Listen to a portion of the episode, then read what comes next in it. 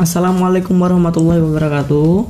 Hai, perkenalkan nama saya Nadif dari kelas 7A SMP IT LHI Saya akan mendeskripsikan foto diri saya saat usia 5 tahun.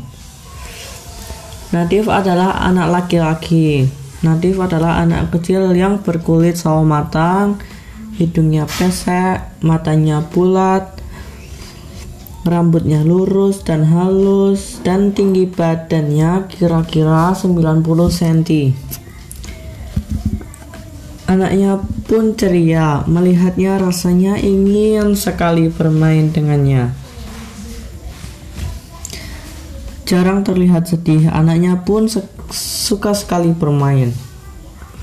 Demikianlah deskripsi tentang diri saya saat berusia lima tahun.